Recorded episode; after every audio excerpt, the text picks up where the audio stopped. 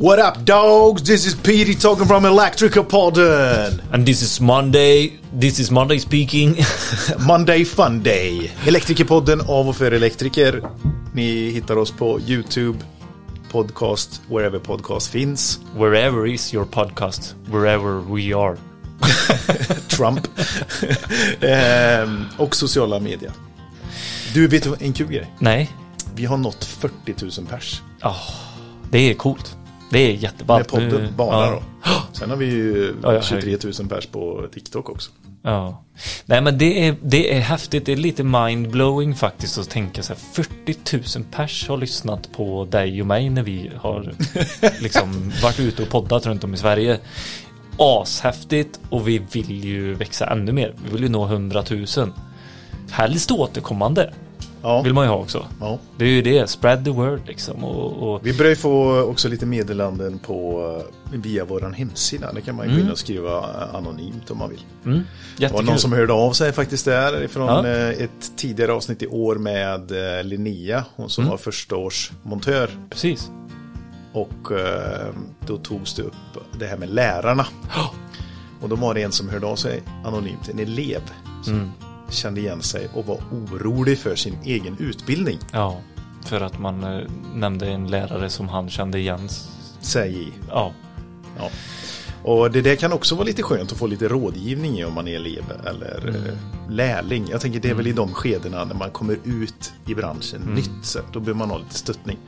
Ja men det handlar om att bygga upp ditt förtroende och då vill du ha lite så här, bara, fan, Mm. Är det ge rätt? mig lite Är det fel? Ja, Är jag och då, fel ute då, då är vi jättegärna där och typ så här, nej men alltså Lämna det bakom dig då om det känns så Men fokusera, fråga din handläggare mer, kanske läs Vi kan skicka lite så här dokument eller hemsidor och förkovra sig om man liksom vill läsa mer eller så bara så här Koncentrera dig på dagarna och fokusera på att lära dig där du är. Och så gräv liksom i gropen där du står. Ja, jättekul i alla fall. Och jätteroligt att ni hör av er. Vi eh, finns här för er. Yes, box elfack Yeah. kommer i maj. Stolt Så 9 steg. till eh, 12, Tolfte. då är det elfack. Säger inte mer om det. Tack till våra samarbetspartner. Vi har ju Schneider Skönt och Grönt med Ja. oss och då har vi ett event, Schneider Wiser event. Mm. Wiser Partner Event. Wiser Partner event, ja precis. Precis. Det får ni jättegärna gå in och anmäla er på, eh, eller till. Ja. För det är i Malmö 29 maj. Precis. Tänker jag ju direkt på mamma, pappa, Va?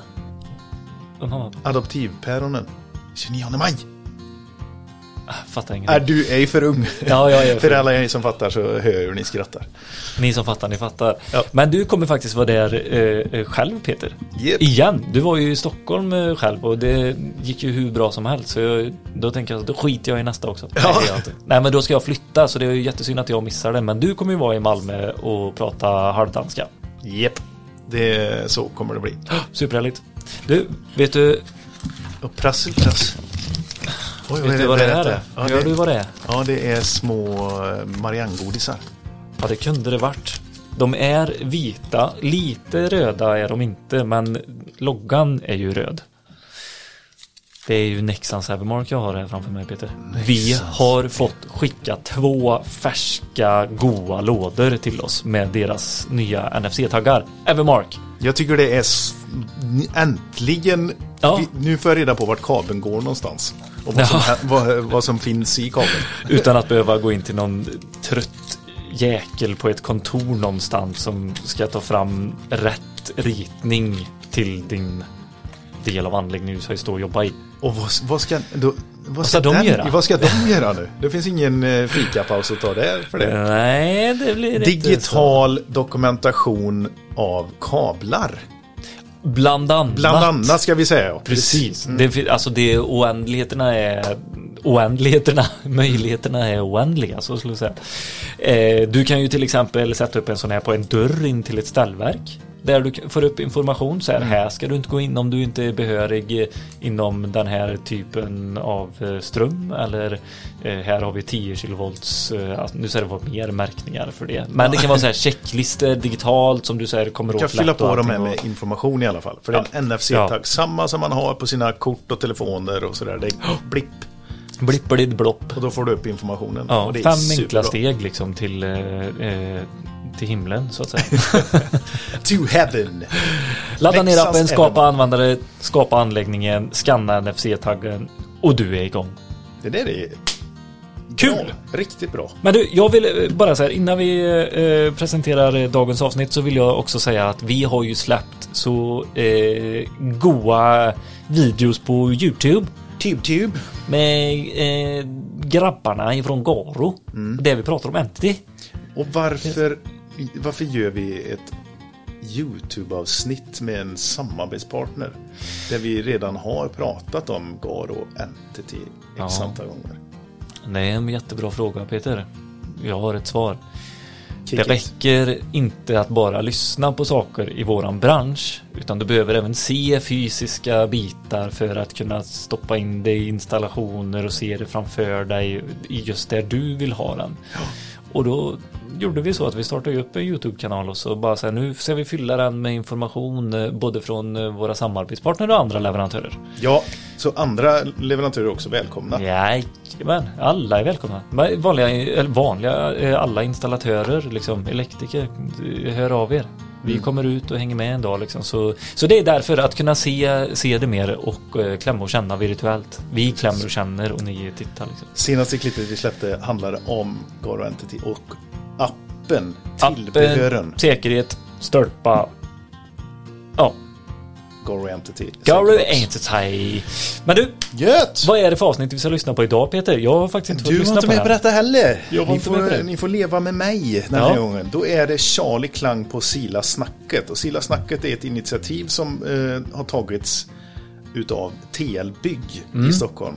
Charlie Klang jobbade som snickare. Han kom ut och eh, kom in på de här stora byggena uppe i Stockholm där. Inte bara specifikt för Stockholm, jag pratar nu i och för sig, men det var det han gjorde i alla fall. Han Ja. kände att ah, nu utsätter jag mig för faror här. Eh, han, han tog ett exempel när han eh, klev ut på en balkong utan räcken. Mm. Och kände sig liksom så här tvingad över att göra det. För Aha. att jargongen var den här tuffa, hårda. Det förväntades klarar du inte liksom. av, Ja. Klarar du inte av det där eller? Och är du en mes eller? Sådär liksom. Ja. Och så, Var han det ja, grupptrycket. Ja, han gjorde ju det, men han, eh, han gick ju hem och hade jävligt ont i magen efter det. Ja, men det är bara så ett litet exempel. Vi ska prata om kulturer. Mm. Mångfald, inkludering. Det finns ett väldigt, väldigt tydligt värde. Mm. Varför vi behöver prata om detta. Och, gör, och liksom lite, bli lite bildade. Mm. Och det är att vi ska bli fler. Ja, och kulturen sitter inte i väggarna utan de sitter i personerna. Det sitter i oss ja. Och alla bär vi ett ansvar. Precis. Jag kanske inte är medveten om vissa saker som jag säger. Nej. Och då är det upp till dig som mottagare också att göra någonting åt saken. Och det är bådas ansvar. Mm. Så är det verkligen. Så det snackar vi om lite grann här nu. Mm. Charlie är utbildad eh, genusvetare och driver då eh, initiativet eh, Sila-snacket. Ashäftigt. Och vill, eh, blir man mer intresserad av sånt, ni säger säkert det i, eh, i, i avsnittet där, men då kan ju han komma ut Charlie och hålla föreläsningar, kurser och, och att man blir certifierad i Silla snacket. Eh, men man kan även eh, göra det, ladda ner det på deras hemsida va, om jag inte minns helt fel. Där finns ett spel man kan beställa till Ja. sin organisation och så eh, det kostar en liten slant. Mm. Eh, och där eh, går man då igenom de här stegen och så blir man certifierad efteråt. Härligt! Tack Charlie Klang för att eh, du gör det arbetet du gör. Det behövs. Verkligen. Och tack, Tack. till våra lyssnare. Ha en god vecka allihopa! Hej!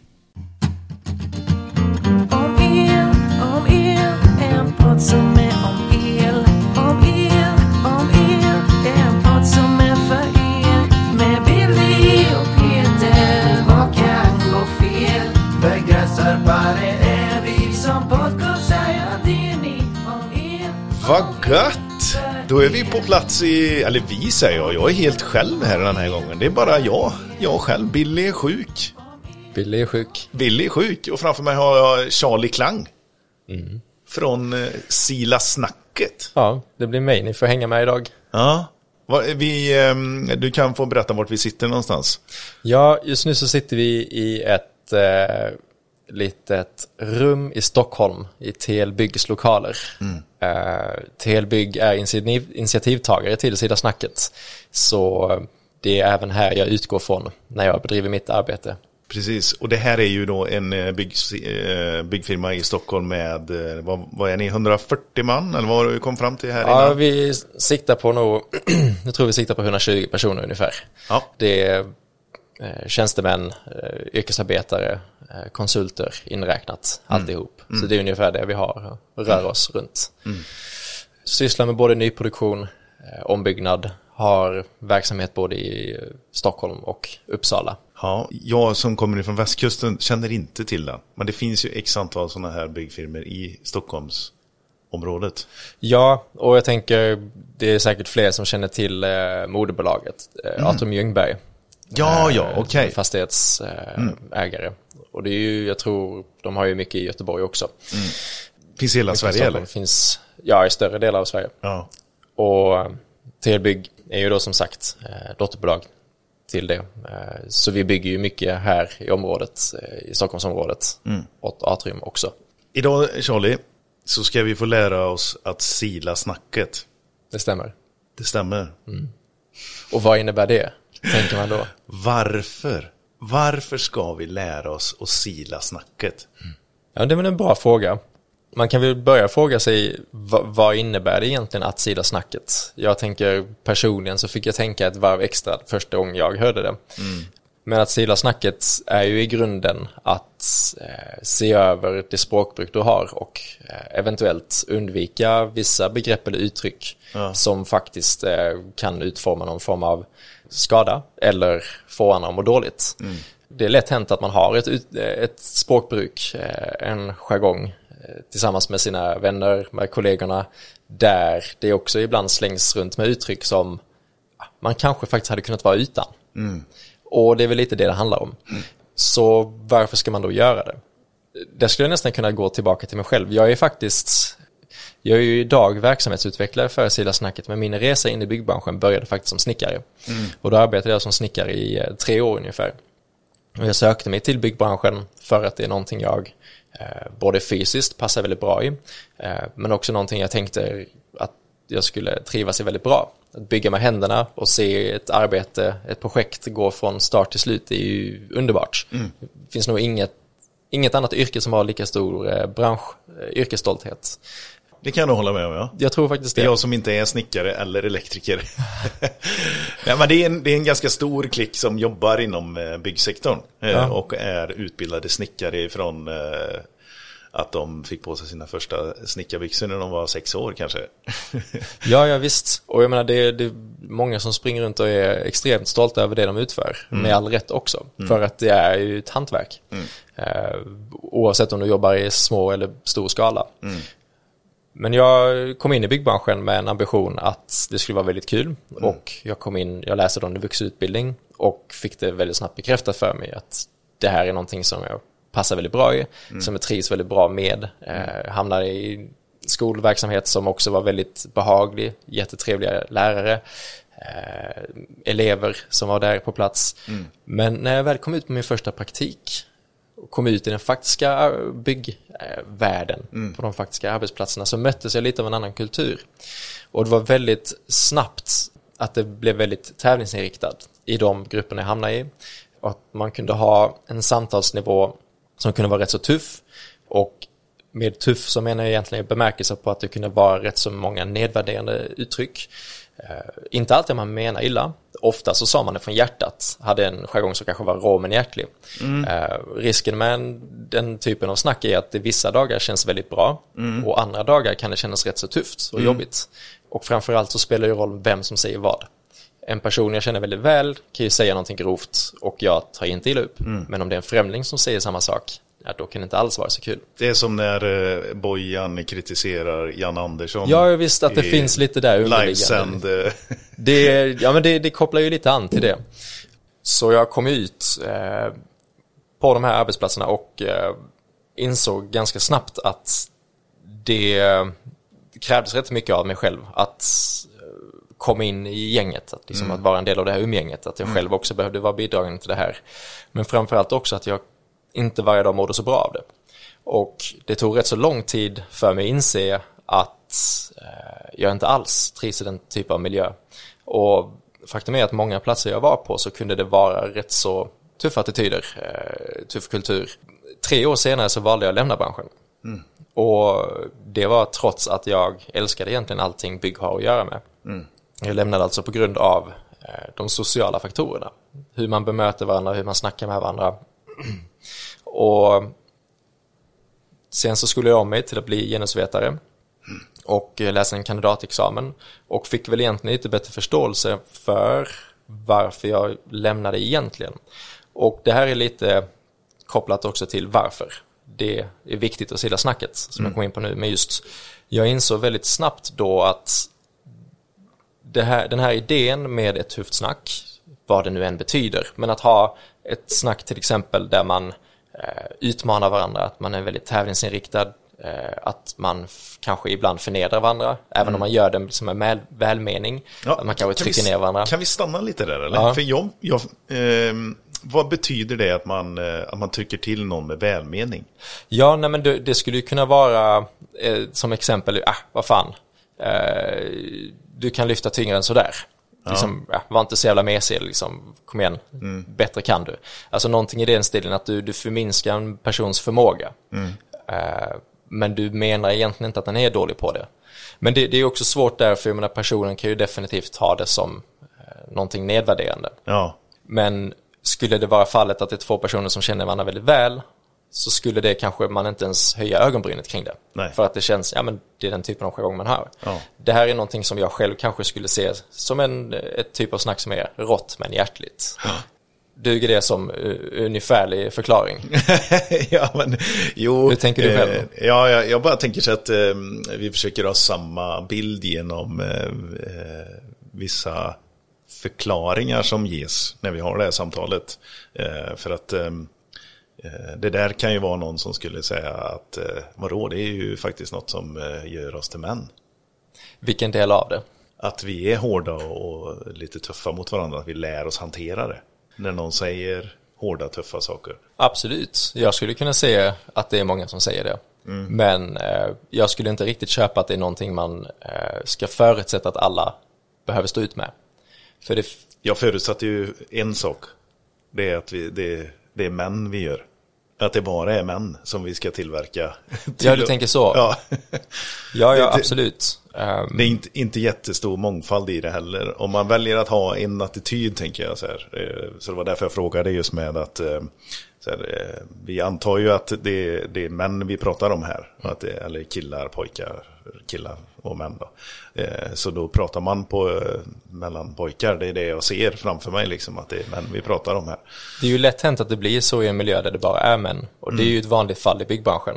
Eh, och miljön eller jargongen eller snacket man har kan ju bli väldigt orienterat kring maskulinitet. Så är det ju. Och på samma sätt skulle det kunna ske i en miljö där det bara är kvinnor. Eh, att man kanske inte skulle ha lika samma en jargong kring maskulina drag utan tvärtom kring mer vad som allmänt är känt som feminina drag. Liksom. Ehm, så det här med, men, men att trycka ner varandra, att förlöjliga varandra eller att hela den, det finns ingenting som är manligt kopplat till det. Eh, Utan det gör kvinnor också. Så, men definitivt i en miljö där det är många män så kan den tävlingsinriktade delen av det väldigt lätt bli att man ser till, trycker ner varandras maskulinitet och höjer sin egen.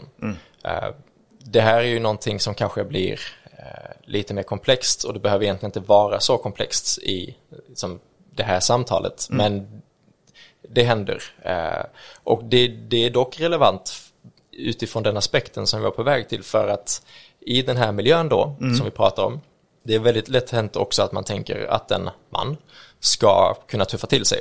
Att man ska få jobbet gjort. Att man kanske utmanar äh, var, inte så eh, mesig, löjla det inte. Det är inte så jäkla viktigt att ha hjälmen på när du gör det här. Till exempel. Eh, eller att man har kollegor som eh, tar sig an mycket större arbetsuppgifter eller tyngre arbetsuppgifter än vad de egentligen borde göra. Att den här idén liksom späs på för, för en själv också. Och att de här tuffa attityderna eller den tuffa miljön kan väldigt snabbt korrelera, samverka med eh, risktagande och skador i arbetet. Och eh, det var väldigt uppenbart för mig när jag själv lämnade byggbranschen att orsaken till varför jag lämnade var inte bara på grund av hur man snackar med varandra och hur man skojar med varandra. För jag menar, än idag så kan jag ha ett snack med mina polare. Liksom, att det, det, är ju inte, det är inte den delen i sig, utan det är ju snarare faktumet att jag kunde känna mig väldigt otrygg på väldigt många arbetsplatser. Och Precis. att jag själv försatte mig i situationer där jag tog risker, men också faktiskt ut- utsatte mitt liv för fara och mina kollegors liv för fara. Inte för att jag ville, men för att jag inte vågade säga någonting emot dem när de gjorde, gjorde något, ett arbetsmoment som stred mot eh, till exempel Ja men hjälm, du tog upp hjälmen Ja, men till hjälm, exempel. exakt. Ja, och, och i, i, ja, men ifrån eh, Grästorp där jag kommer ifrån, det kanske man inte går runt och, och går med hjälm på landsbygden hela dagarna. Men eh, däremot så eh, kommer du in i Stockholm och jobbar på, på vissa byggen, då är det liksom eller Stockholm, i, i stan, så är det krav liksom. Du kommer inte innanför grindarna här om du inte har hjälm på dig. Och ska man då ha en jargong där man är, ska vara tuff och häftig mot varandra, och det inte handlar om att utföra ett bra och säkert jobb.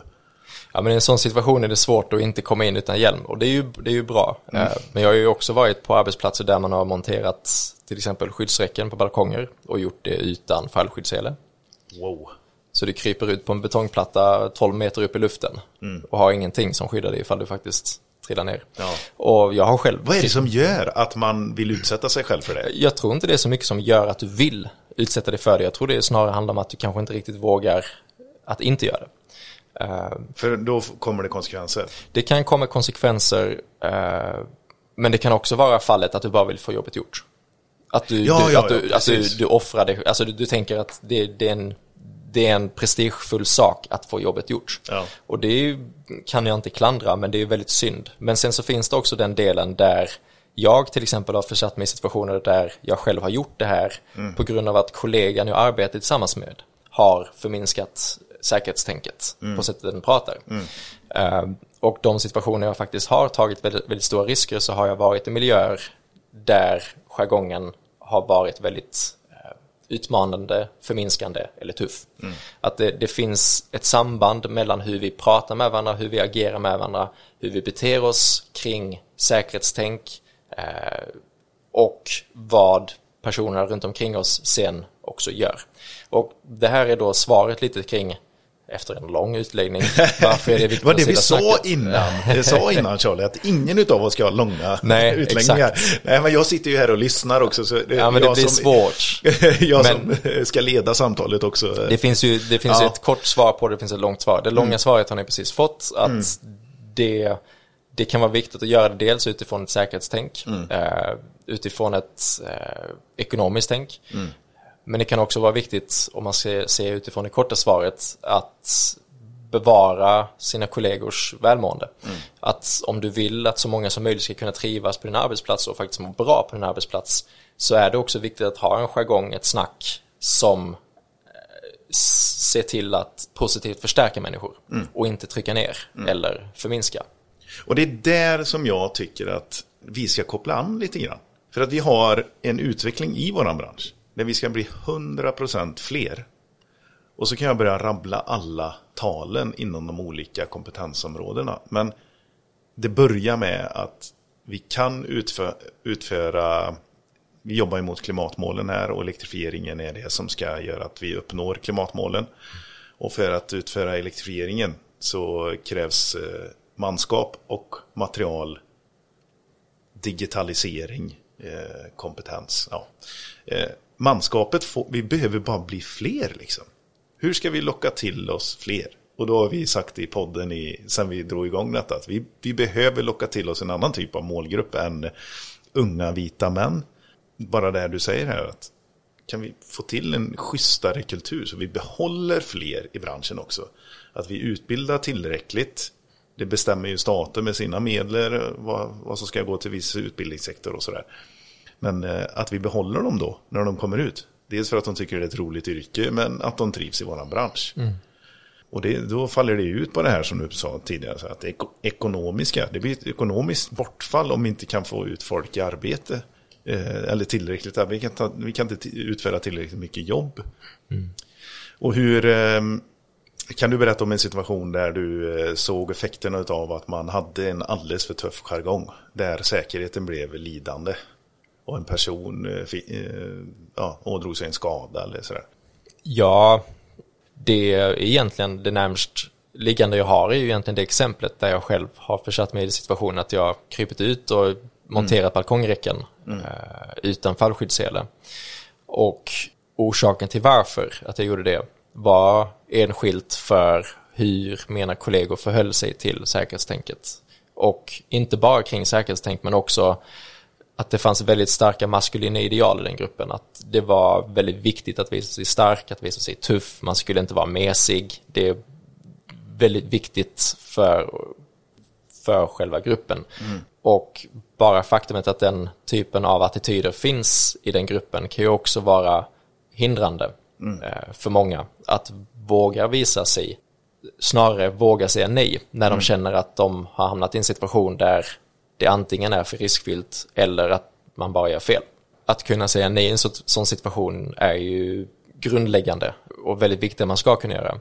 Så det är, men min poäng här var också att jag skulle då hävda att det är svårt att dra den raka parallellen och att kunna se mellan varje arbetsplats och där det finns en tuff jargong och att man tar större risker.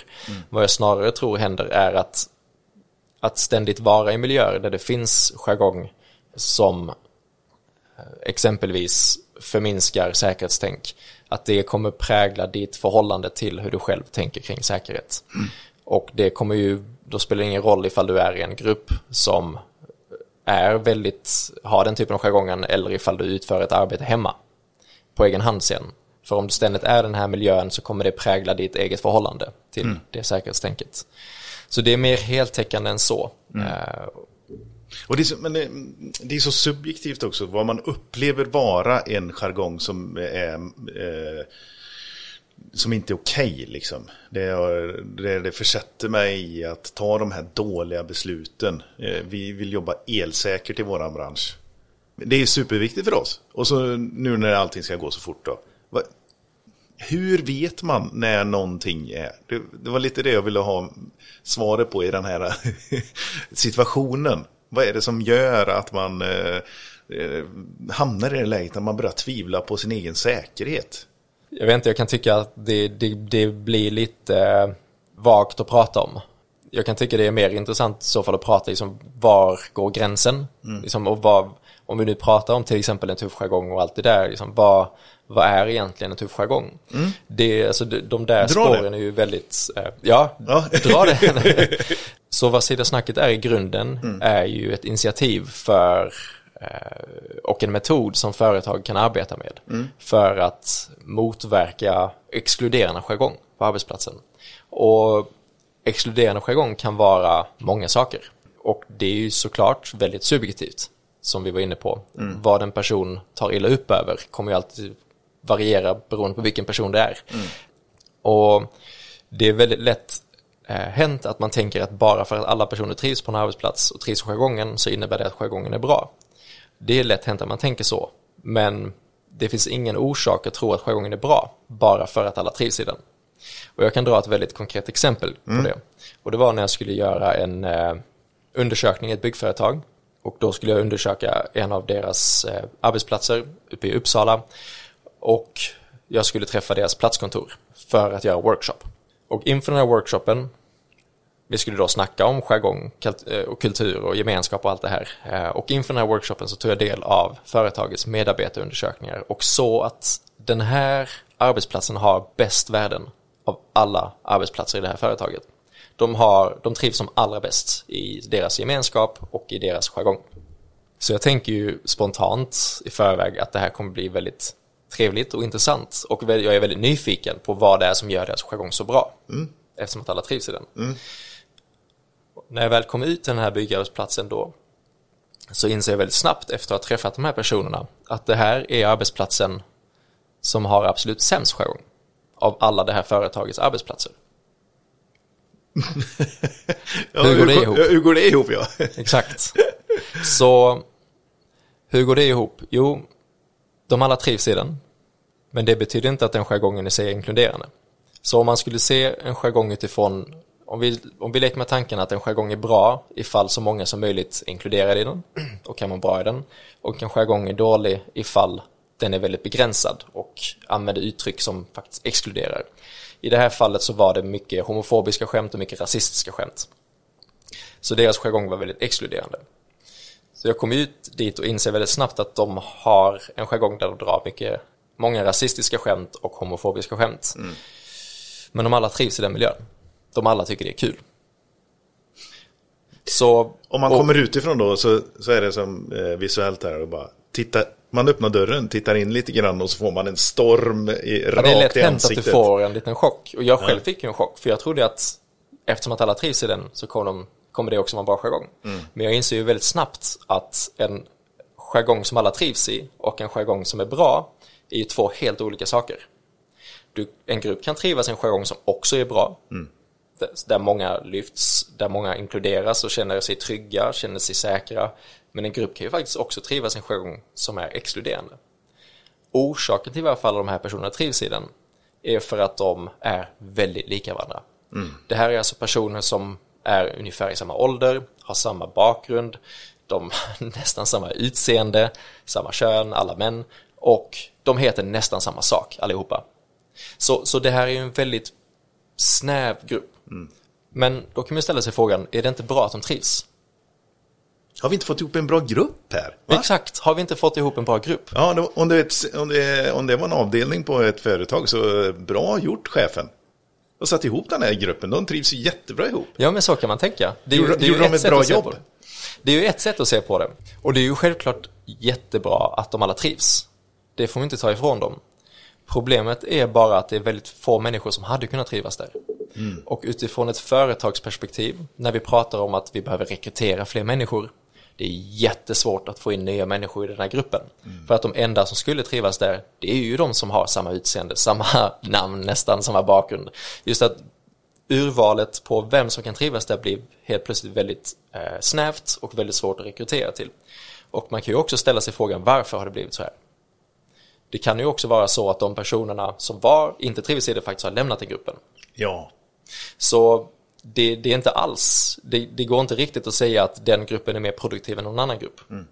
Det, det har jag inte personligen koll på. Det skulle kanske vara intressant att titta på såklart, men vad som är intressant och vad som är relevant att ställa sig det här, tycker jag, och vad vi brukar göra är att det är ju inte tillräckligt att undersöka hur många som faktiskt trivs i en jargong för att bedöma ifall den är bra, utan vad man behöver mäta är ju hur många som hade haft möjlighet att kunna trivas i vår jargong. Det är ju den och frågan hur gör man det? Ja, hur gör man det? Ja, För det är ju väldigt svårt att ta på en jargong, eller hur? ja, Jag menar, det är ju jättesvårt att veta vad har vi egentligen för jargong på vår arbetsplats?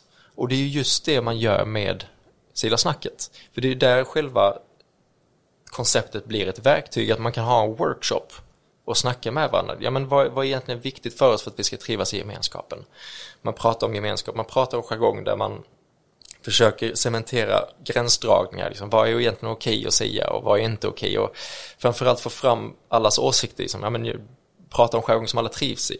Vi, vi utgår ju inte från att en jargong i sig är någonting dåligt. En jargong kan ju vara någonting väldigt bra. Alltså en jargong i sig är ju neutralt och bara sättet vi pratar och bemöter varandra och de uttryck vi använder som resten av gruppen förstår. Men även om vi har en jargong där alla menar väl så kan den ändå bli exkluderande för att vi kanske använder uttryck som personer utanför vår grupp inte förstår. Det betyder inte att de uttrycken är nedvärderande. Det är bara att de kan bli exkluderande. Ett exempel på en branschjargong inom bygg är att man kanske hänvisar till sina yrkesarbetare till eh, eh, gubbarna eller eh, pojkarna eller liksom ja, det, det är väldigt lätt hänt och det händer det händer på det här kontoret också. Att man säger, ja men jag ska ut med fika till eh, grabbarna. Ska jag med fika ut till grabbarna, jag ska träffa grabbarna där ute. Jag menar, i många situationer så består gruppen grabbarna av rätt så många kvinnor också. ja. Och det är inte så att de här personerna säger grabbarna för att de menar någonting illa. De har full välmening. Det är bara att det här är ett uttryck som har levt kvar och som bara finns. Man tänker sig inte riktigt för. Men om man drar det ett varv till så kan man ju väldigt snabbt också förstå att det är ju egentligen ett lite exkluderande uttryck. Framförallt det kan vara lite onödigt. Du skulle lika väl kunna säga jag ska ut med fika till yrkesarbetarna. Ja, Och så skulle du faktiskt ha täckt ja hela den gruppen. Ja. Vad som är viktigt att förstå här är att en person, som i det här exemplet, kan bidra till en exkluderande jargong med god mening, alltså med väl intention. Den här personen menar inte illa, men kan ändå säga saker som andra trillar upp, över. Och det här kan vara rätt så vanligt förekommande. Ja. Och där försöker ju vi skapa en brygga med Sila snacket för om det är någonting vi är väldigt försiktiga med och verkligen aktivt undviker så är det ju att slå människor på fingrarna. Vi har full förståelse och tycker det är väldigt viktigt att man måste ha respekt och förståelse för att orsaken till varför en viss jargong förekommer eller finns på en särskild plats Eh, det, det finns en grund, det finns ett orsak, det finns en skäl. Och bara för att jag kanske tycker att en person säger någonting som jag i mening tycker är nedvärderande så är det inte säkert att den personen faktiskt menar något nedvärderande. Och hur jag bemöter den personen kan variera väldigt mycket och hur den tar emot det kan variera väldigt mycket. För om jag går fram och säger till en person att du, så där får du inte lov att säga det där är sexistiskt. Om inte den personen hade någon intention att säga något sexistiskt då kommer han hamna i, hamna i försvarsställning och eh, säga att nej, jag är fan ingen sexist. Och vi kommer antagligen inte komma mycket längre än så. Men vet du vad? Jag tror att eh, väldigt många förväntar sig det. Förvänta sig vad? Att man ska få höra det så här. Om man, nu ska vi börja förändra jargongen här på vårat, vårat eh, bygge här eller vårat företag. Det är nästan så att man förväntar sig det som eh, att man, vi ska förändra oss. Men ju, vi pratar ju om sånt man säger till varandra. Vad är rätt och vad är fel i vad man säger till varandra? Och då förväntar man ju sig att någon kommer in och säger det. För jag vet ju oftast inte. Det är ju det vi har gått igenom här. Det här är jättebra att du går Ja. in på det också. För jag För- vet ju inte om jag säger någonting som eventuellt stör någon annan. Du tog upp så här gubb, gubbe, det är ju ett jättevanligt uttryck liksom. Och jag och Billy, vi får hejda varandra hela tiden när vi är ute och träffar nya människor. Att det finns ju, nu träffar vi inte bara killar i 30-årsåldern längre. Utan nu är det killar och tjejer och gubbar och tanter eller liksom. Ja, ja visst. Nej men det, och det är ju bara, alltså det finns ju säkert de som tycker att det där känns löjligt liksom och det, är- det, det är ju inte där man behöver fastna heller. Precis. Men hela idén här bygger, och det, det du också går in på här, det är att om jag alltid går runt och menar väl, så bygger ju det enda sättet för mig att få reda på ifall jag, någon annan faktiskt har tagit illa upp över något, det är ifall någon säger ifrån.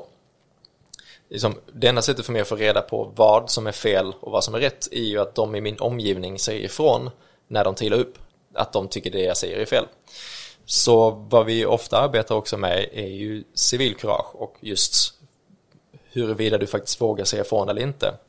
Och det här är ett väldigt viktigt perspektiv för att vad vi märker när vi är ute och pratar med människor det är att vi tenderar inte att säga ifrån lika ofta som vi vill. Väldigt sällan tror jag.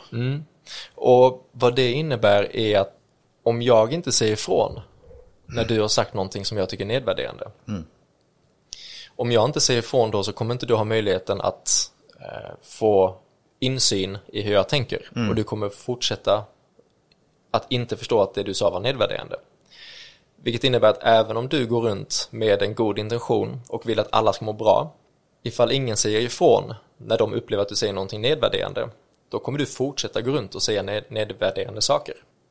Och det här är en rätt så viktig insikt för att om vi inte alltid säger ifrån, om vi inte har en kultur där vi alltid vågar säga ifrån, då kan vi aldrig någonsin utgå från att alla trivs.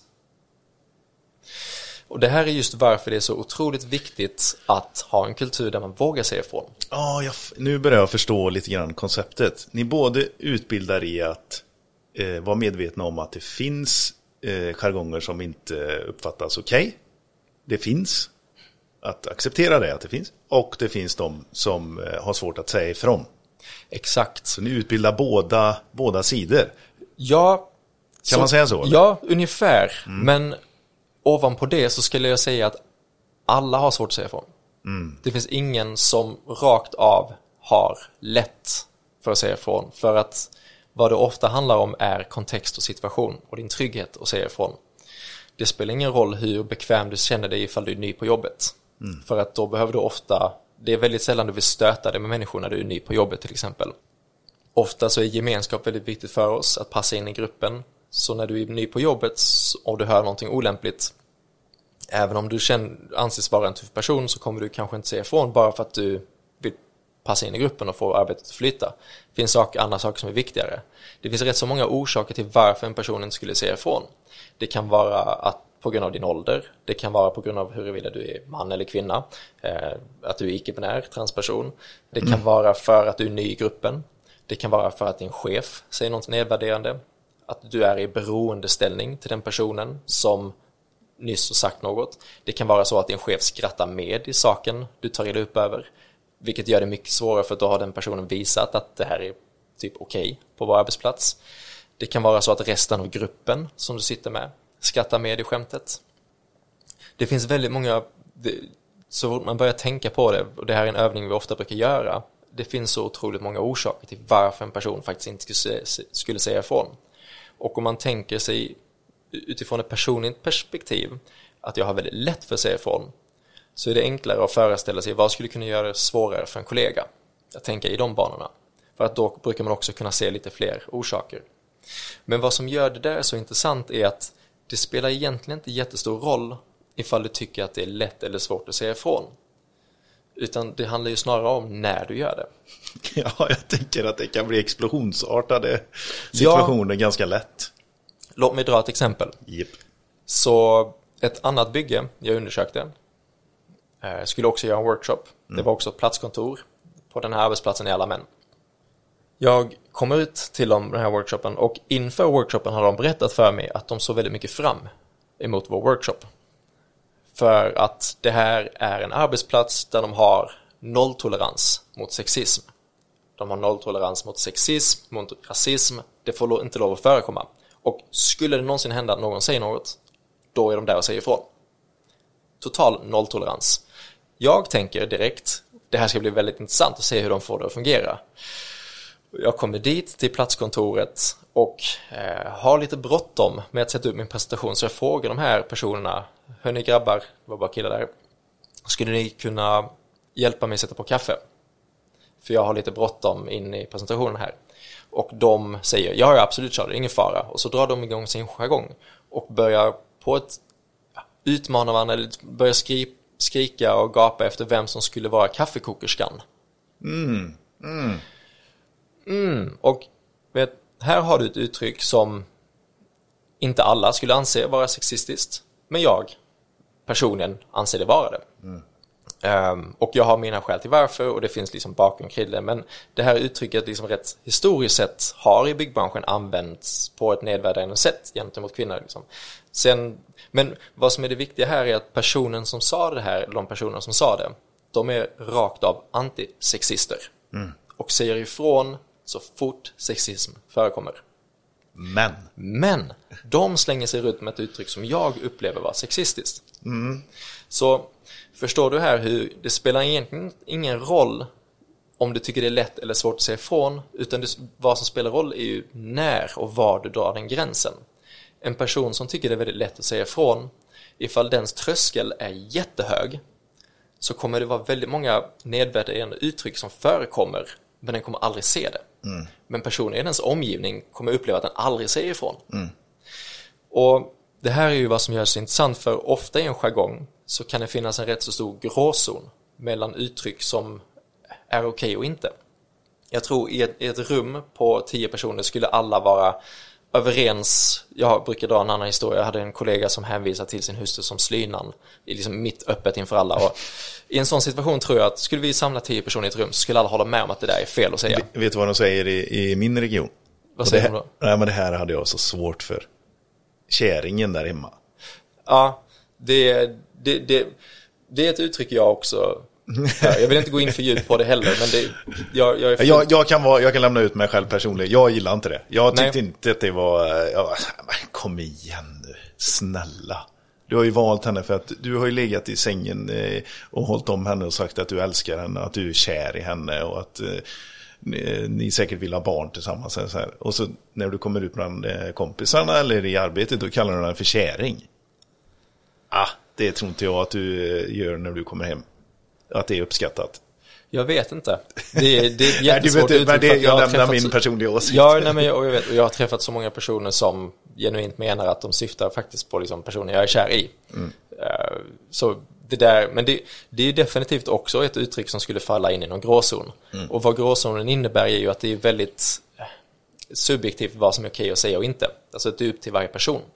Om vi skulle samla ett rum med tio personer skulle nog de flesta av dem hålla med om att säga slynan är fel. Det är dåligt. Det är sexistiskt att göra. Så, men samlar du tio personer i ett rum och säger att eh, kaffekokerskan inte är okej att säga att det är sexistiskt, då kommer antagligen inte alls lika många hålla med dig. Och det här är en typ ett exempel på ett uttryck som skulle falla in i gråzonen. Och vad som gör det svårt med civilkurage att säga ifrån, det är att det tenderar att vara svårare att säga ifrån ju färre personer som håller med dig. Så i en situation där någon säger slynan, då är det inte jättesvårt att säga ifrån. För att då kommer resten av gruppen ändå hålla med dig. Ja, Och du kommer kanske få en klapp på axeln. Om du säger ifrån vid ett uttryck som kärringen, som eh, kaffekokerskan, då är det mycket mindre sannolikt att alla håller med dig och helt plötsligt så börjar du få motstånd. Folk kommer börja ifrågasätta dig. Det, är mycket, det finns mycket forskning på det här också, men det tenderar att vara enklare att agera i situationer där det är färre personer som är närvarande, men också att det då, det spelar ju roll hur många du vet står bakom dig. Ehm, och det här är också jätteviktigt att koppla an, för går man då tillbaka till det här med om man tycker det är lätt eller svårt att säga ifrån. En person som tycker det är väldigt lätt att säga ifrån kan ju också vara så att orsaken till varför det är lätt att säga ifrån är för att de gångerna du faktiskt säger ifrån så håller alla faktiskt redan med dig. precis. Så de som upplever att det är svårt kanske också säger ifrån lite oftare eller har sin tröskel lite längre ner. Men anledningen att det här då är så viktigt är för att kunna bygga en inkluderande kultur där så många som möjligt trivs. Då behöver man också se till när personer känner ett behov av att säga ifrån. Alltså, man måste ändå utgå från att vi undviker säga saker som personer trillar upp över. Och det här kan vara jättejobbigt för många, för jag vet att det finns en idé om att folk är så lättkränkta idag, att folk tar illa upp över allting. Jag vill hävda att det gör man inte. Man tar inte illa upp över allting. Ehm, och skulle man försöka liksom bara undvika de sakerna som faktiskt folk tar illa upp över, så kanske man, visst, du kanske skulle behöva sila vissa uttryck och liksom undvika vissa saker, men det finns ett stopp.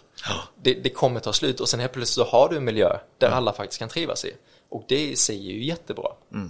Ehm, det som jag sitter och tänker på här det är just den här konflikten som pågår i en själv när man har, för det, då kommer det här uttrycket och det är någon som, ehm, som du sa tidigare, så här, gör det hjärtligt. Och, stämningen är bra. Och så kommer det här uttrycket och det träffar en personligt. Det kan säga, alltså, ja, men du sa slynan till exempel, eller kaffekokerskan, vem ska vara det? Det är fortfarande inte att det är någon som kommenterar något med dig, liksom så, utan det är, det är ett vedertaget, någon benämning på något liksom. Eh, men den konflikten som blir i en själv, civilkuraget där, det- blir som bortfluget i fönstret och sitter man där kvar själv med sina egna tankar om att men jag kanske skulle ha sagt något och nu försvann chansen och nu, åh nej, nu kommer jag komma hem med de här tankarna och nu är jag hemma och jag, fan, ska jag behöva liksom ta upp det här imorgon? Det är jättejobbigt. Ja, och då, har du ytterligare en orsak till varför det, till en sak som gör det svårare. Ja, och då, min fråga är till dig då, för att göra det konkret också så här. Hur kan jag som eh, företagsägare, eh, ledare eller eh, chef medverka till att det blir en, en bättre jargong vid sådana här stunder när sådana här ord flyger i rummet och eh, kommentarer fälls på personnivå och sådär liksom. Det är en jättebra fråga och det är säkert en fråga många undrar också. Ehm, Och jag kan ju börja med att säga där att ledarskapet i en organisation är ju avgörande i det här.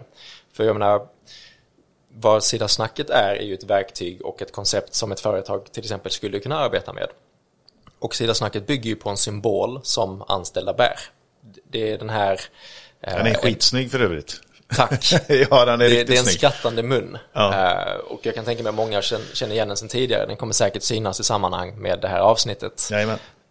Och eh, det finns lite finess i den här symbolen. För genom att ha den här symbolen så kan man då erbjuda att anställa bär den frivilligt om man vill stå upp för en mer inkluderande jargong. Redan där har du ju gett ett, ett, en möjlighet för anställda.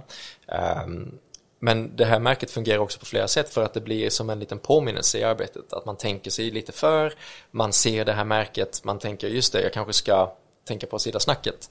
Men framförallt också, det blir mycket enklare att eh, säga ifrån. För i flera situationer kan det vara enklare att bara säga stilla snacket till en person istället för att säga du, det där får du inte lov att säga, det, det, där är sexism. För vad du gör när du säger stilla snacket det är att du också utgår från att personen menar väl. Jag vet att du inte menar något illa, men tänk nu på, för att det enda sättet vi ska kunna ha en schysst jargong här, en inkl- inkluderande kultur, det är att vi kanske undviker just det där uttrycket. Och vi kommer behöva sila ett par uttryck. Eh, Men genom att bära den symbolen så blir det ju enklare att hålla personer till det. Liksom. Ja, men du har ju själv satt på den här pinnen. Tänk nu på sida snacket. Jag menar, jag personligen ser ju saker som är fel konstant. Det viktiga är ju inte alltid, det viktiga är inte att du alltid är perfekt. Det Nej. viktiga är ju hur du bemöter en person som säger ifrån. För om du inte bemöter den personen med respekt, med eh, välmening, så kommer den personen inte våga säga ifrån igen. Om du säger, ah, vad fan, sluta larva dig. Det där är inte så jäkla tramsigt, var inte så lättkränkt. Då kommer du aldrig, då kommer den personen inte säga ifrån igen. Eh, Så just det där är väldigt, väldigt viktigt, att ha en kultur där vi uppmuntrar varandra till att säga ifrån. Och symbolen blir ett sätt. Ta en situation till exempel där du har massa främlingar och någon säger kaffekokerskan. Har jag ett par kollegor eh, eller ett par främlingar som bär den här symbolen då blir det också mycket enklare för mig att säga ifrån för då vet jag ju att det här är personer jag får stöd ifrån. Och det här är liksom verkligen själva funktionen för att vad vi pratar om idag är ju väldigt svåra frågor. Det är väldigt subjektiva saker, mycket svårt att ta på. Det enda sättet att förverkliga och göra det här levande, det är ju att ha ett system. Och märket blir en del av det systemet. Det blir enklare att säga ifrån, man sänker tröskeln och framförallt, man tänker lite på hur man pratar. Och det här är då vad, som är, vad vi då erbjuder företagen, det är ju att man kan ju gå in i samarbete med Silla Snacket och kunna bära den här symbolen. Och vad man får ut av ett samarbete som för övrigt är helt kostnadsfritt, helt Ja, du, gratis. sälj nu för fan, Ja, ja, nej, men- Charlie. Nej men det, för det här är ju ändå ett branschinitiativ. Liksom. Det, Ja, det här är vi, ingenting, vi glömde eh, nästan prata om det i början där. Nej men du vet, att det här är ju ingenting vi har vinst på, utan det här är ju bara någonting vi har startat för att vi vill att branschen ska bli bättre. Ja. Och det, det är verkligen Anlita Charlie, få er en föreläsning, utbildning, det är kostnadsfritt, vi bedriver någonting för, här. föreläsningar och workshops, det tar vi betalt för. Ja, det tar ni betalt för, Det är, ju okej. för det, det är ju det som Ja, själva initiativet Ja, går precis. på. Men man måste inte göra det där. Utan vad, vad, man kan göra med Sida Snacket är ju att eh, man kan trycka upp vepor, affischer, man kan ha kaffekoppar, du kan ha klistermärken på hjälmarna, du kan ha pins eh, på, på bröstet. Det finns många olika sätt men idén är ju att anställda ska kunna bära det här märket. Chefer ska kunna bära det här märket. Och i samband med att du då bär märket så måste du också då informera personen om vad det betyder och vad som förväntas av den.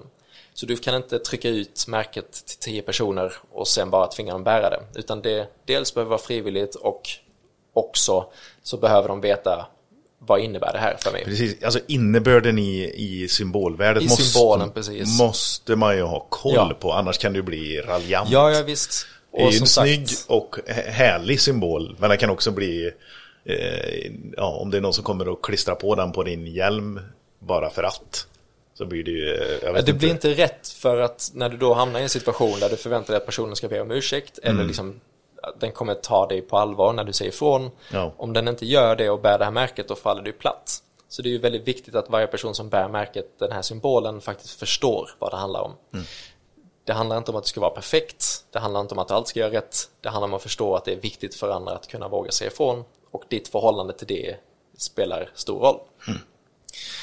Och vad, som, vad vi också erbjuder är en eh, workshops som man själva kan ladda ner. Det finns en workshop-manual så ett företag skulle kunna gå in i Sidasnacket, köra presentationer för sina anställda, hålla workshops för sina egna anställda och bära det här märket och hela den processen i sig skulle kunna vara helt kostnadsfri. Så det finns väldigt mycket vi erbjuder och sen så finns vi också vid sidan av och stöttar de som vill ha extern hjälp. Jag menar, vi är ju i slutet av dagen experter på det här och kan prata om det här på ett väldigt eh, neutralt sätt.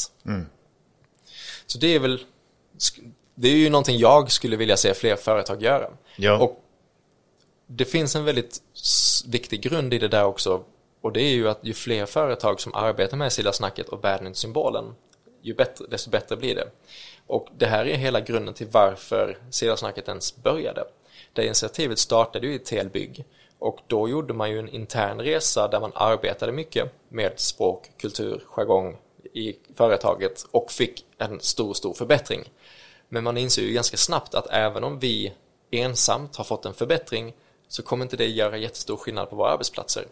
För på våra egna arbetsplatser så rör vi kanske 30-40% av all personal som rör sig på våra egna arbetsplatser.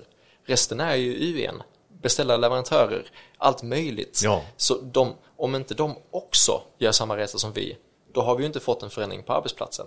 Och det här är verkligen skälet till varför vi då valde att gå ut och göra Silla snacket så enkelt som möjligt att komma igång med. För att om vi kan få våra underleverantörer, un, eh, UN, eh, tillsammans med Underentreprenör. Tack! Orden börjar famla här. Ja, det- Eh, tillsammans med beställare och leverantörer, om vi kan få liksom hela det här ledet att alla arbetar med Sida snacket, då kommer vi faktiskt få förändring som når oss. Eventuellt kommer vi kunna rekrytera personal om fem år som redan vet vad det är, som har arbetat med det. Vi kommer kunna få elever från byggskolor som redan har fått en introduktion i det. För det är där vi är just nu med Silla snacket. Vi, vi är runt i flera olika företag. Vi figurerar eh, bland yrkeslärare. Vi har varit och utbildat flera, flera lärare i landet och tar fram utbildningsmaterial tillsammans med dem. Vi har ett utbildningsmaterial tillsammans med byn gentemot handledare. För Vad- sa du? By- Byn. Byggnads, eh, byggnadsyrkesnämnden. Yrkesnämnden? Ja, Ja, okej. Mm. som tar fram eh, handledarmaterial. Eh, där finns Sida-snacket med. Och vi finns eh, och vi verkar i flera olika branscher. Men hela idén här är att ju, ju fler platser som symbolen finns på, desto bättre. Förutsatt att alla förstår den. Och det är ju det vårt uppdrag är, att utbilda i. Precis. Och där, ehm, eh, en grej jag fastnade på som du sa där, det är ju när det ligger då eh, lättillgängligt för företag att ta, ta del av. Om man känner att nej, men det här blir nog lite för tungt ändå, att jag som tidigare in, som chef eller som ledare, jag vill ha förändring, jag ser, jag ser tydligt värdena med och effekterna av att vi gör förändringen. Men jag kan inte ställa mig där själv. Jag har lite svårt att eh, hitta, eller jag tror, jag tror inte tillräckligt på mig själv att hitta trovärdigheten i mig själv gentemot mina medarbetare eller mina anställda. Kommer ni ut då? Absolut, och det är ju en av de sakerna vi erbjuder. Eh, vi gör ju allt mellan föreläsningar och workshops. Vi gör även ambassadörsutbildningar för att kunna utbilda personer i organisationerna så att de själva kan ta Silla snacket vidare och liksom bära det. Eh, Men det är ett väldigt vanligt förekommande koncept att en organisation till exempel först har en workshop med sin ledningsgrupp för att bara bli experter på det. Förstå det här lite bättre. Förstå hur man ska navigera sig i de här frågorna. För i slutet av dagen så är det väldigt svårt för en enskild person att sätta fingret på var gränsen går i en jargong. Vad är egentligen rätt och fel? Ännu svårare för en organisation. Det går inte riktigt för en enskild person att göra utan det finns ett system man behöver följa. Och det kan jag dra. Om det finns tid för det. Absolut, Men det, tycker jag låter Det här jättebra. är ju väldigt viktigt liksom för det här är viktigt för att det här är ju egentligen medskick till alla som lyssnar också. Mm. Okej, nu har jag hört det här poddavsnittet, vad kan jag egentligen ta med mig? Mm. Så först nämnt så kanske det är bra att tillägga att det kan vara väldigt svårt att eh, veta vem som trivs i en jargong och inte. Och det finns egentligen, vi, vi har ett system där eh, för att kunna uppnå till exempel en inkluderande jargong där så många som möjligt trivs så finns det två steg. Det första steget det är att man alltid försöker undvika saker, säga saker, eh, använda ett språkbruk eller kommentarer som man vet sårar andra människor. Och det behöver inte vara människor just nu i rummet utan det kan vara att om jag, om jag aktivt vet att det här att det finns många människor som trillar upp över det här uttrycket då undviker jag att säga det. Det är steg nummer ett, att man alltid försöker undvika saker som skadar. Att säga saker som skadar. Nu, och vad som gör det där svårt är att det är inte alltid vi vet. Nej, det är ju det vi har pratat om tidigare, att det blir så subjektivt. Hur ska jag då veta vad som skadar? Ja, Exakt. Det är inte så att jag kan gå in och googla tio uttryck jag inte får lov att säga idag. så nu stannade vi på nummer ett här egentligen. Ja, nästan. Ja, Det finns en risk att det stannar där. ja. Så vad som också behöver hända, Är vi på nummer två nu?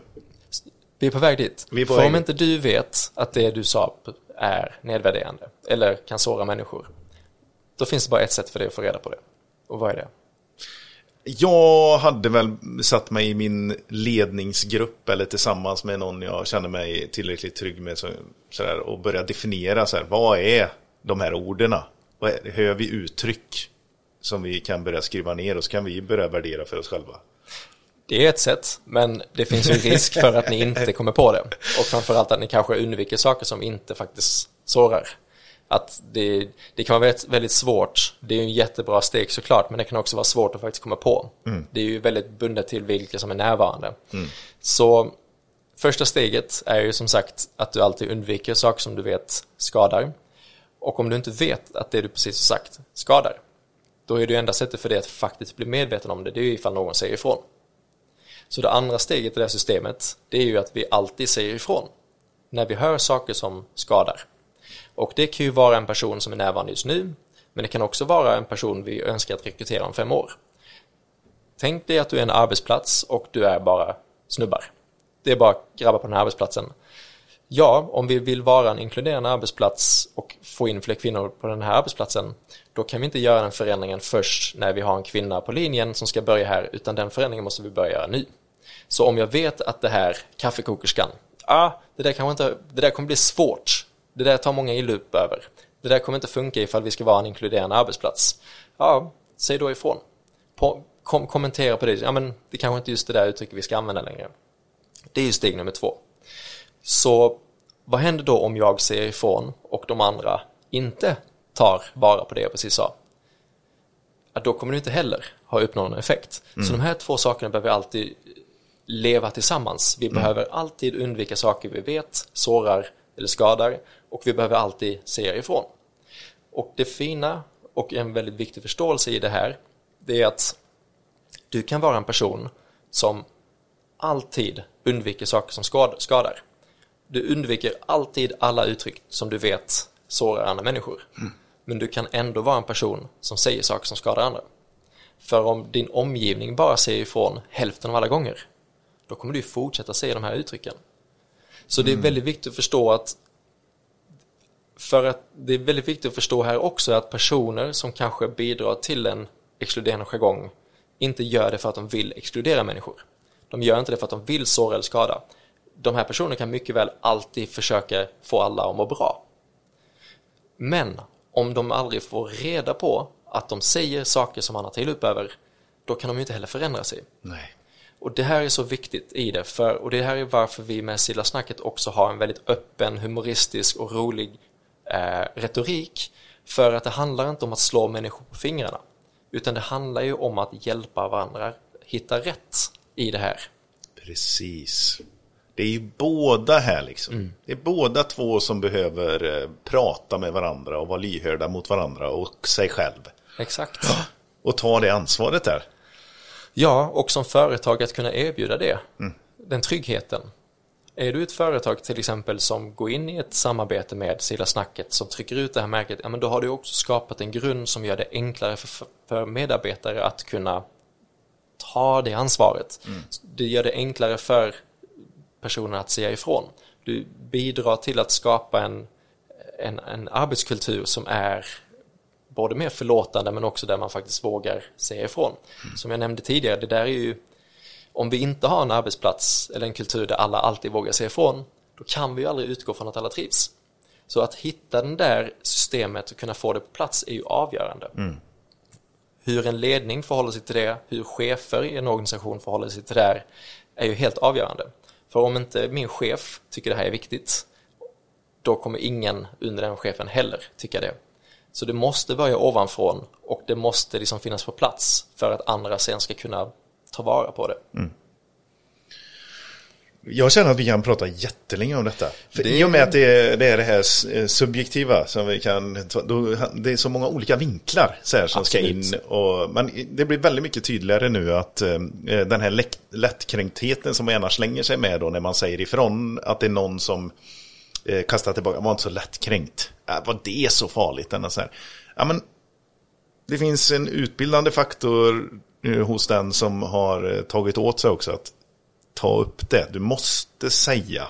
Du måste lära dig att säga ifrån. Och det gör du inte genom att hela tiden hålla käft heller. Och du hjälper inte gruppen genom att eh, vara tyst och inte säga ifrån och lära dig det.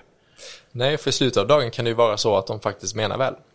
Precis, och då, då är det ju också ett ansvar att när det är någon som säger ifrån, det är då ni bör höja på ögonbrynen. Det är då ni behöver dra öronen åt er. Har jag uppfattat det rätt? Eller? Absolut, men det finns också någonting som försvårar det. Och det är att eftersom att det är så svårt att säga ifrån så kan du inte utgå från att alla trivs bara för att ingen säger ifrån. Alltså det är i slutet av Men det- dagen och vad det här handlar om. Det, Ja. det, det, här kräver en viss varsamhet. Ja. I Och- slutet, men jag tänker så här, i slutet av dagen så ska vi ju åka hem. Och då ska vi umgås med vår familj och vi ska vara goda och glada där och vi ska ha levererat tillräckligt på jobbet. Så det, det är ju någonting som vi, och det, man kan ta med sig det hem och må dåligt över det. Det är ändå någonting som blir så här, sekundärt. Kultur är sekundärt i förhållandevis till vad vi ska göra på jobbet också.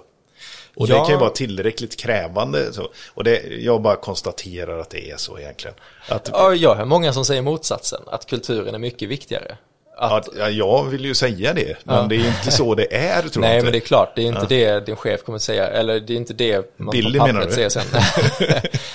nej, men det, vad jag ofta hör är ju att eh, för många är ju gemenskapen i arbetet viktigare än vad du faktiskt, än din faktiskt arbetsuppgift. Mm. Hur du trivs i gruppen och att du mår bra på jobbet är viktigare än att vad du faktiskt gör. Mm. Och att en grupp som du mår bra i, som du har väldigt kul tillsammans med, eh, kan få ett väldigt tråkigt arbete och bli någonting väldigt positivt. Ja.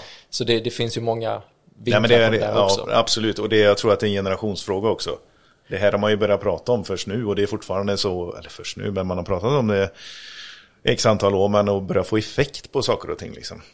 Men du, eh, jag, jag vill verkligen förmedla dig till våran bransch. För nu har vi pratat mycket ur bygg. Men du, som igår så var du till exempel på ett stort techföretag här i, eh, i Stockholm och utbildade och certifierade, Ja, eller de, Eh. precis. även på engelska. På engelska.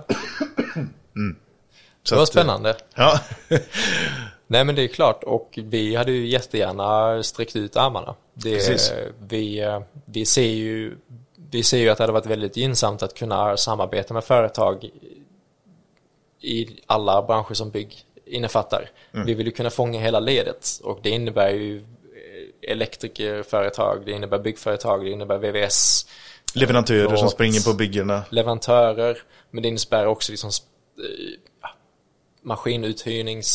maskinuthyrningsdepåer, Jajamän. Ja, byggskolor, eh, transportföretagen som levererar Mm. däremellan. Alltså det, vi vill ju fånga alla och i slutet av dagen, det här konceptet är ju applicerbart överallt. Mm. Det Sida Snacket går att arbeta med oavsett vilken sektor du är i. Och framförallt, det är inte riktigt ett sätt, det är inte riktigt ett plåster för, som man sätter på såret. Man behöver liksom inte se Sida Snacket som att nu ska vi göra bukt med ett, en, ett problem vi har, utan hela idén med Sida Snacket är ju att man arbetar förebyggande. Du får in ett system som kan leva av sig självt där vi säkerställer att alla har så goda förutsättningar som möjligt att kunna trivas på jobbet. Så man behöver inte man behöver inte uppleva att det redan nu finns ett problem i företaget. För att ska jag vara helt ärlig så kan det vara rätt så svårt att veta ifall man faktiskt har problem eller inte för att det finns ju en risk för att folk bara inte vågar erkänna det. Det tror jag säkert. Så är det nog. Men man måste börja lyfta lite på det där locket som ligger och pyser där. Rucka lite på det. Ja, bara kolla, kika lite. Men det finns hjälp att få och det är jättebra Charlie att du har eh, gett oss chansen att få med dig in i våran bransch. Ja, jag är väldigt glad att få medverka i er podd. Ja, så silasnacket.se om man vill ha kontakt med dig. Eller så kan ni gå via oss, skicka en förfrågan till oss. eh, Eller om ni bara vill ha kontaktuppgifter så förmedlar vi vidare. Och vi, är, vi kommer hädanefter bära symbolen stolt.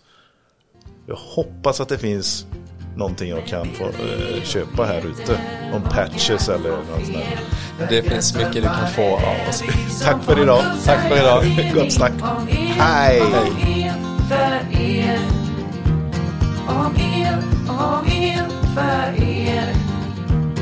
om er. Om er, för er.